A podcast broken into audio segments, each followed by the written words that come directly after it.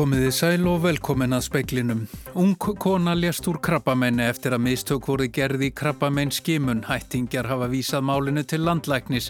Lögfræðingur segir vísbendingar um að mistök hafa verið gerði greiningu sína hjá krabbamennsfélaginu í mörg ár. Vietnams kona búsett hér á landi hefur haft réttarstöðu sagbornings í nýju ár þar sem tvö íslensk tryggingafélag grunnaðan um 2 miljóna tryggingasvik. Konan segist hafa mist eiginmann sinn og tvær stjúpdætur í vonskuveðri í Vietnam fyrir tíu árum. Skjáltiðastærðinni 4,6 var skamt frá húsavíkum þrjúleitið og annar um klukkan 5.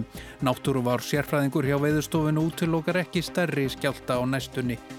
Hertar sóttvarnareglur tóku gildi í Danmörku í dag, smitum hefur fjölgað verulega þar í landi og hafa dagleg tilfelli ekki verið fleiri síðan í april. Umsjónamaður speilsins er Pálmi Jónasson.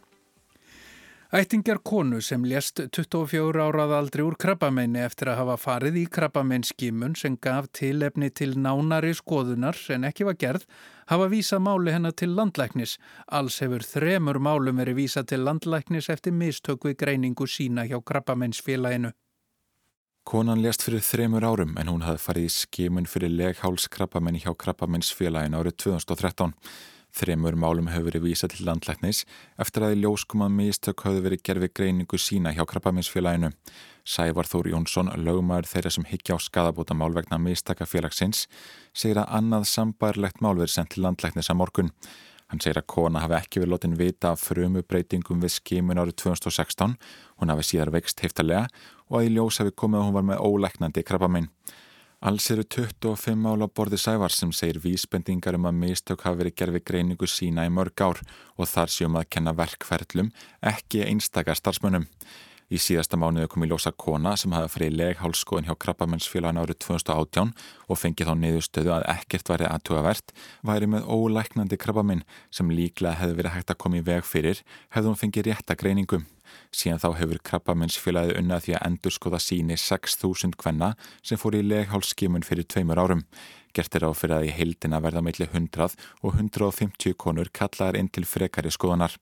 Landlæknir hefur enn ekki sendt heilbriðsáþur að tilögur um hvort eða hvernig breyta þurru verklægi við krabbamennsleit til áramóta. Yngvar Þórbjörnsson tók saman. Lágreglan á höfuborgarsvæðinu hefur í nýju ár haft til meðferðar mál konu sem tvö íslensk tryggingafélag gruna um 2 miljóna tryggingarsvik. Konan segist hafa mest eigimann sinn og tvær stjúpdætur þegar bát þeirra kvólti í vonskuveðri í Víetnam en tryggingafélagin evast um þá frásögn. Lámaðu konunar segist hafa verið nýðst svakalega á konunu og brotið á réttundum hennar. Fyrir helgi snýri landsréttur við úrskurði hérastóms Reykjavíkur um domkvæningu matsmanns í málinu. Matsmaðurinn á að taka afstöðu til vietnamskrar tilskipunar þar sem finna má ákvæði um útgáfu dánarvottorða. Í úrskurði hérastóms er málareksturinn síðan rakin nokkuð ítarlega. Haustið 2010 tilkynnti konan að eiginmaður hennar og tvær dætur hans hefðu látist þegar bát þeirra kvóldi í Vietnam í vonsku veðri. Fórun fram á samtals 43 miljónir frá vís og lífís í dánarbætur. Í úrskurði hérastóms sést að tryggingarfélögin hafa frá upphafi haft evasemtir um frásögn konunar. Þau höfnuðu kröfu hennar strax í upphafi og tæpu ári setna kerðu þau hana til lauruklunar á höfuborgarsvæðinu vegna grunns um tryggingarsvik. Þau hefðu fengið vitnesku um að engar upplýsingar hefðu fundist um skipskaða í umrætu landi. Lauraglann á höfuborgarsvæðinu feldi rannsók málsins niður fyrir fjórum árum en tryggingafélagin kerði þá ákverðin til ríkisaksóknara sem fól lauruglunni að abla frekar í gagna. Hulda Elsa Björgvinsdóttir, staðgengill lauruglustjóra, segir í samtali við fréttastofu að málið sé enn opið. Beð hafi verið í tvö ár eftir staðfestingu frá þarlendum stjórnvöldum um hvort umrættarmanniskur hafi látist í skipskaða á þessum tíma. Sankvæmt upplýsingum fréttastofu er líklegt að aðan meðferð í málinu verði í vetur. Steingrímur Þormóðsson, lögmaður konunar sem er frá Vietnam en hefur verið búsett hér lengi, segir að nýðst hafi verið á henni og brotið á réttindum hennar. Hún hafi haft réttarstöðu sakbornings í nýju ár. Freyr G. Gunnarsson tók saman og ítalegir fjallaði málið á rú.is. Snarpur jarðskjálti var löst fyrir klukkan þrjú á skjálfanda um 20 km norðvestur af Húsavík. Skjálti var 4,6 að stærð en hann fannst vel á Húsavík og víða á Norðurlandi eins og Akkurir í Grenivík, Dalvík, Ólafsfyrði og Siglufyrði. Náttúruvár sérfræðingur hjá veðurstofunni segir ekki útilokað að stærri skjálti geti orðið á þessu svæði á næstunni. Fjöldi tilkynninga hafa borist veðurstofu um að skjáltin hafi fundist á Norðurlandi og nokkrir eftirskjáltar hafi fyllt. Einar Hjörlefsson, náttúruvá sérfræðingur hjá veðurstofunni, segir að búast með við fleiri skjáltum. Síðan í sömar hefur verið stóri jarðskjáltar hína á húsauku flataði miskinginu og nú ferðist virknin nær húsauk með þessum skjálta sem rekkur þarna 4,6 stærð. Megum við eiga vona á fleiri svona stórum skjáltum þarna á þessu svæði á næstunni? Það er ekki hægt að útiloka skjálta af sömu stærð eða jafnvel stærri þarna á saman svæði. Hjálmar Bói Hafliðarsson, kennari og deildarstjóri í Borgarhólskóla á Húsavík fann vel fyrir skjáltanum.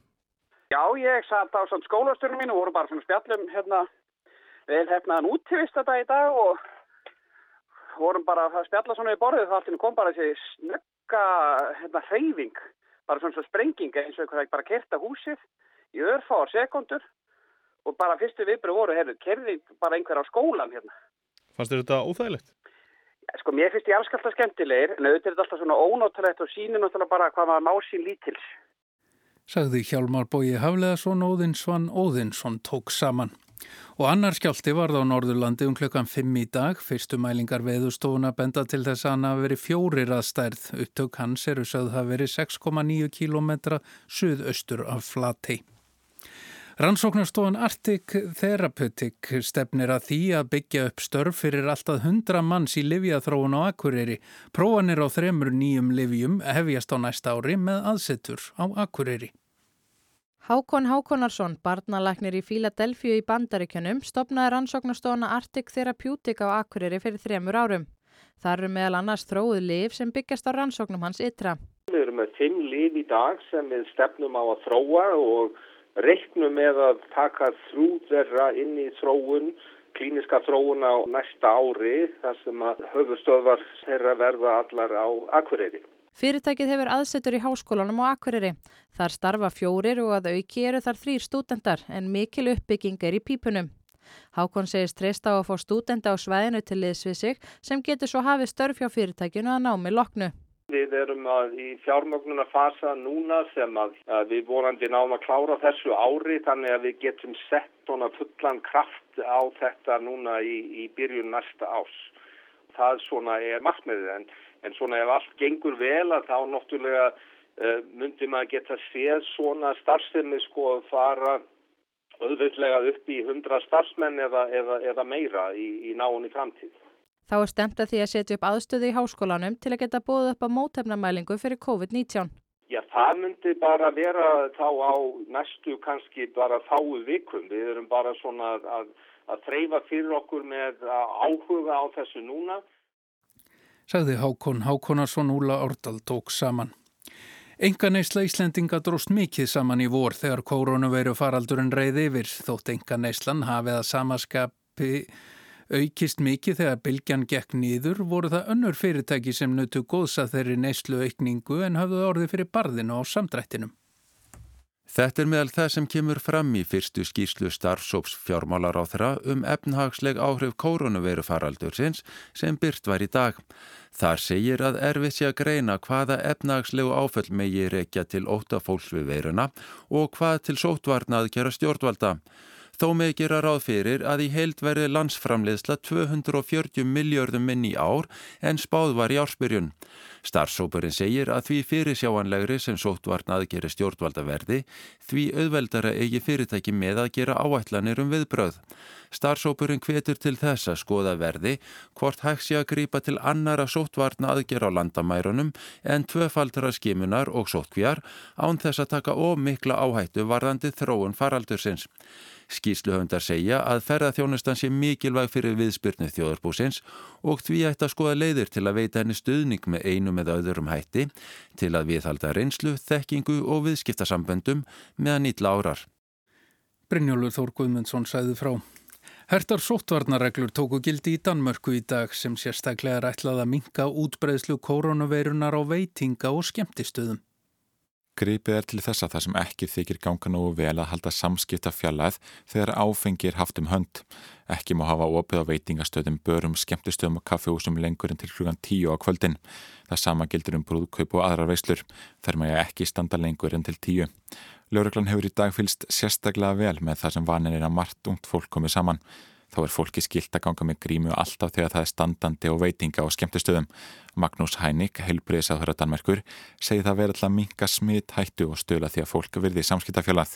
Kravet gælder ikke, når man sidder ned, men kravet er, fordi der er behov for, at gæsterne holder bedre afstand til hinanden, og det er lettere at håndhæve, når man sidder ned. Det vil sige, man kan altså ikke stå op og drikke sin øl på en bar, men er nødt til at have en sideplads for at kunne tage mundbindet af.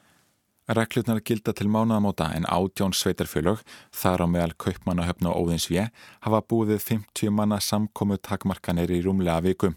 Nýjum smitum hefur fjölgað verulega í Danmörku á síðustu tveimur vikum. 347 smit greintur síðastlegin sólarhing, samanborið við tæpla 100 í byrjun mánadarins. Yngvar Þór Björnsson tók saman.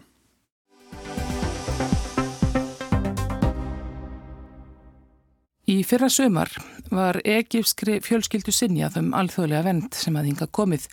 Fólki hefur núna verið inn í rúmlega tvö ár og á morgun skal því vísað úr landi. Málið þetta hefur komist í hámæli og í morgun var rættum það á fundi allsærir og mentamálnemndar alþingis og hingaður komni tveir þingmenn þeir Guðmundur Andri Tórsson samfélkingu og Vilhelmur Átnarsson sjálfstæðisflokki til að ræðum þessi mál. E, það tókum 15 mánuði að fjallin þetta mál eins og fram hefur komið, hefði tekið 16 eða meira, þá hefði verið heimilt að veita börnum og barnafjölskyldum dvalarlefi á mannuðar ástæðum. Guðmundur Andri, þetta er sárt, en mörkin eru dregin, einhverstaðar. Það fá bara ekkit allir dvalarlefi sem um sækja eins og fórsætsar á þar að sæði í hátteginu. Já, sko, þetta er nú út af reglugjör sem að hérna tóka ymitt á þessu með að sko að, að þegar börnun er búin að vera svona lengi hér á landi að, að, að þá skuli hérna hort til þess uh, varandi þau börn en, en það er þá meða við sko þegar að þegar úrskurður, það, það er meða við úrskurðar tíman, þegar úrskurðurinn fellur. Eh, en eh, svo náttúrulega bætist við tími sem að hérna eh, fólk getur verið áfram á landinu. Fólk getur verið ófúst að fara á landinu og, og það þarf þá einhvern aðbeina yfirvalda til þess. Það getur verið ímsar ástæður fyrir því. E, og e, ég hefði viljað sjá að það er þá hort til þess að sko veist hverja sem ástæðunar eru þá eru þessi börn búin að vera þetta lengi á landinu. Og þau, þau hérna e, eru búin að mynda hér þau eru búin að festa hér rætur og þau eru búin að mynda hér tengsl og þau eru komin í skóla og þau eru tala íslensku og, og, og þau, þau hérna e, þess vegna er afskaplega sárt að sjá þau svona rifin upp úr, úr þeim aðstæðum Vilhelmur, sko, fólki finnst alltaf þegar þessi mál svona, eru dreginn fram, þetta er náttúrulega eins og Guðmundar Andri er að lýsa þessar aðstæður. Fólk sem að verist kannski ekki síst börnin hafa fótað sér ágætlega hérna og, og vilja vera hérna áfram. Eh, regluna sem við erum að vísa til með málsmiðaþurna, menn þeim var breytt í februar þetta breytaði þeim aftur. Já, sko, ég held að við hefum einmitt að fagna þessum reglum og að sé búið að setja þær að því að það er ekki langt sem við vorum með mál hér í fjölmjölum aftur aftur þegar að fólk og fjölskyldur og börn sérstaklega voru búin að mynda enn meiri tengsl og vera enn lengur hér. Og, og það voru út af því að málsmæðferðin tók langan tíma en núna hefur við sett ströngustu reglunar á Norrlöndunum um málsmæðferðartíman og ef stjórnvöld standast ekki málsmæðferðartíman þá hérna eru að því, ég veit ekki hvort maður sé aflegginga fyrir stjórnvöld með því að þau verða að gefa hérna dvalarlega mannúvar ástæðan og þannig að við hefum að fagna þessum góða reglum sem við hefum haft hér, við hefum gert þetta alveg skýrt þannig að fólki veit að hverju það gengur og það er mikilvægt að þetta sé gagsætt og sé eins fyrir alla. Og þannig að ég fagna því að við séum hægt að tala í árum og, og, og hafa þetta svona óljóst og komum við þennan skýra ramma. Þannig að við hefum að vera þakklátt fyrir þessa reglur. Og við höfum gert betur heldur en svo með því að segja við fólki þegar þeir eru komið með niðurstuði ykkar hérna, stjórnsýslu máli sem er þá, má ekki taka lengur en 16 mánuði að þá skulum við hjálpa þér að fara heim, gefa þið styrk til þess að fara, við skulum ekki láta yfirvöldu í heimalanduninu vita að sért að koma og, og þú þarf ekki að fara með lauruglu fyllt og hérna þannig að, að við reynum að gera allt þess að styrta tíman og, og það er eins og margir upplega, margir flutt til annar land og mynda tengslana en svo er þau bara að fara til sín heima ríkis aftur. Og eftir alla málsmjöfurina er búið að kanna hvort að það séu örugtu ekki að því annars hefur ekki verið sendt tilbaka. Guðmundur Andri, sko, þetta er náttúrulega alltaf erfitt, með fólk sækjur um og einhver fórstundum og svo segja, segja mér alltaf sem tala úr, sko, ég er annir eins og útlendingastofnum erfum, við getum ekki tjáð okkur um, um einstök atvik, um bara þetta er bara reglurnar og svona er þetta og en, en á móti kemur að þegar eru bröðuð myndum af börnum sem eru miður sín og það vitna félagar og skólafélagar um það, sérstaklega börnin, en náttúrulega fóröldarinn sem sækja um leifið. Þetta er flókin mál. Já, öll, mál, öll svona mm. mál sem varða hérna, fjölskyldur og, og bara manneskjur eru flókin. Manneskjur eru flóknar og líf manneskjurnar er flókið. Eh, eh, mér finnst ekki kannski alveg sko hægt að tala um þetta í sömu og andra og, og það þegar við erum að sko við förum í nám í nákvæmlega löndum kannski og við flytjum með börnin og, og þar fram með til göttunum vegna þess að við erum að fara innan ákveðins menningar svæðis þá og, og við erum að fara úr tryggum og örgum aðstæðum og í tryggar og örgum aðstæður. Hér erum við að tala um fólk og ég er ekki endilega bara að tala um þessa tilteknum fjölskyldu en við erum að tala um fólk sem kemur úr mjög erfiðum aðstæðum, úr mjög ótryggum aðstæðum og er að flýja út af einhverju, er að flýja eitthvað, er að flýja e, óörgi e, og er að flýja hingað í skjól og, e, og það þess vegna E, erum við að senda fólk úr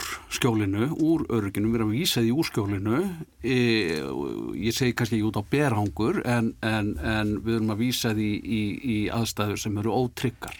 E, hér er um að ræða vissulega rétt sem að Vilhelm segir að það er fagnadarefni að, að, að reglur, þessi reglurgerð tók gildi en, en mér finnst svona andi þeirra reglugerðar vera sá að við eigum að líta til þess tíma sem að börnin hafa raunverulega dvalist hér á landi og hér erum að ræða börn sem hafa dvalist 25 manni.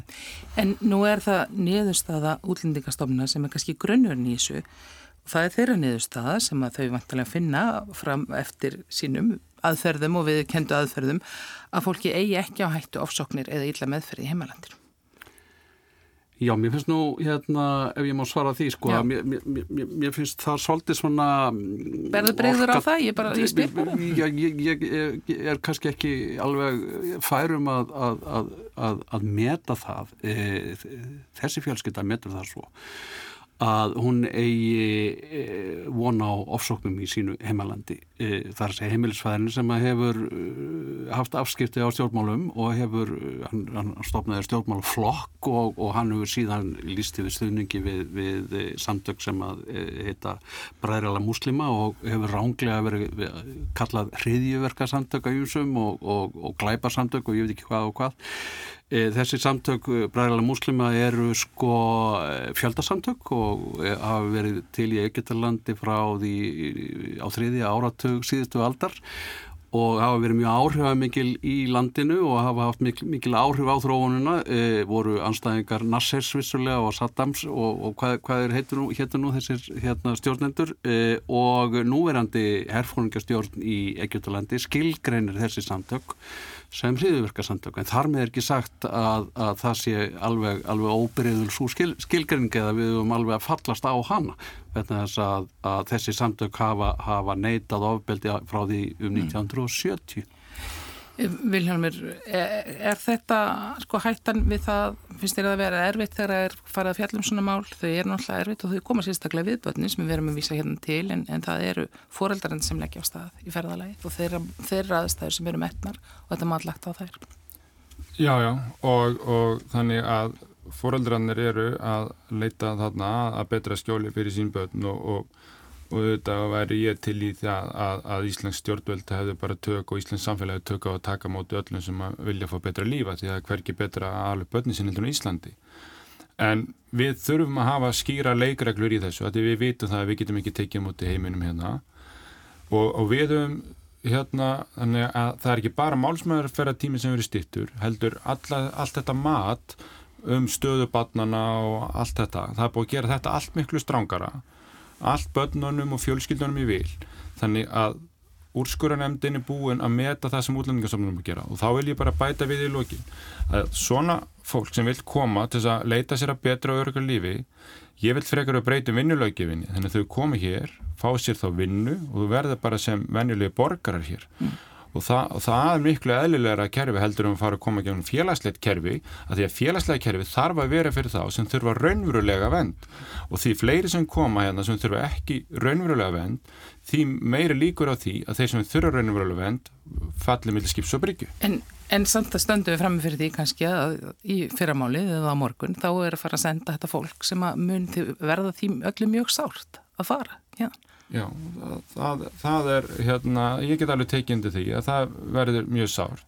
En leikreglunar eru svona, við erum búin að bæta þær og það var farið eftir þeim og svo niðurst af að komin í nógumber og hérna og á málsmeðfæra tímanum eftir því hefur komið fram að Íslands stjórnvöld bera ekki ábyrða honum síðastliðinu ári. Þannig að, að, að korkið kóið nýja okkar fyrirkomnalega bera ábyrða því Og, og hérna þannig að því, því miður endi ekki alla sögur vel en, en, en ég vona bara að, að þau muni hérna að mat útlendingastofnun og svo kærunemdunar hérna sér ég eftir að þau séu öryggi sínu heimalandi og þau muni eigna skott lífi sínu heimalandi og vonandi geta að koma aftur til Íslands setna og sótt hér um vinnu. Eh, það hefur verið að tala um það að útlendingu í lögjöfun, hún er ekki mjög gömul. Það voru, voru endur skoðið fyrir fjórum árum. Er samt ástæði til þess að taka það upp aftur? Já, ég held að hérna, þetta mál sérstaklega verið til þess að við þurfum alltaf að hugsa svolítið okkar gangu, við viljum ekki fá mörg svona mál aftur og aftur, þetta er mjög sárt og erfitt. Eh, ég held að þessi fjölskylda þurfi áraumverulegri venda að halda. Það hafi ekki verið borna brygður á frásögn þessum manns og, og í ég eh, held að, að það sé alveg ástæða til þess að hérna, leggja trúnað á það að, að hún þurfi á venda að halda og, og þessna hefði ég viljað sjá uh, að, að þessi fjölskylda fengi uh, sérstakka meðferð uh, hér og, og ég tel líka COVID ástandið hafi hljótið að við, við hljótum að taka tillit til þess að þetta hafi verið fordamælusri tíma. En eigið vonu á einhverja annar niðurstöðu á morgun? Nei, ég held, ég held ekki að því að, að lögin er skýr og gagsa og það er að sama yfir alla ganga og því held ég að þetta að það breytist ekki. Ég er að eðlisverði og ég vona að, að mannúðin segri. Þakku kjærlega fyrir komina í speilin Viljan Varðnarsson og Guðmundur Andrið Tórsson.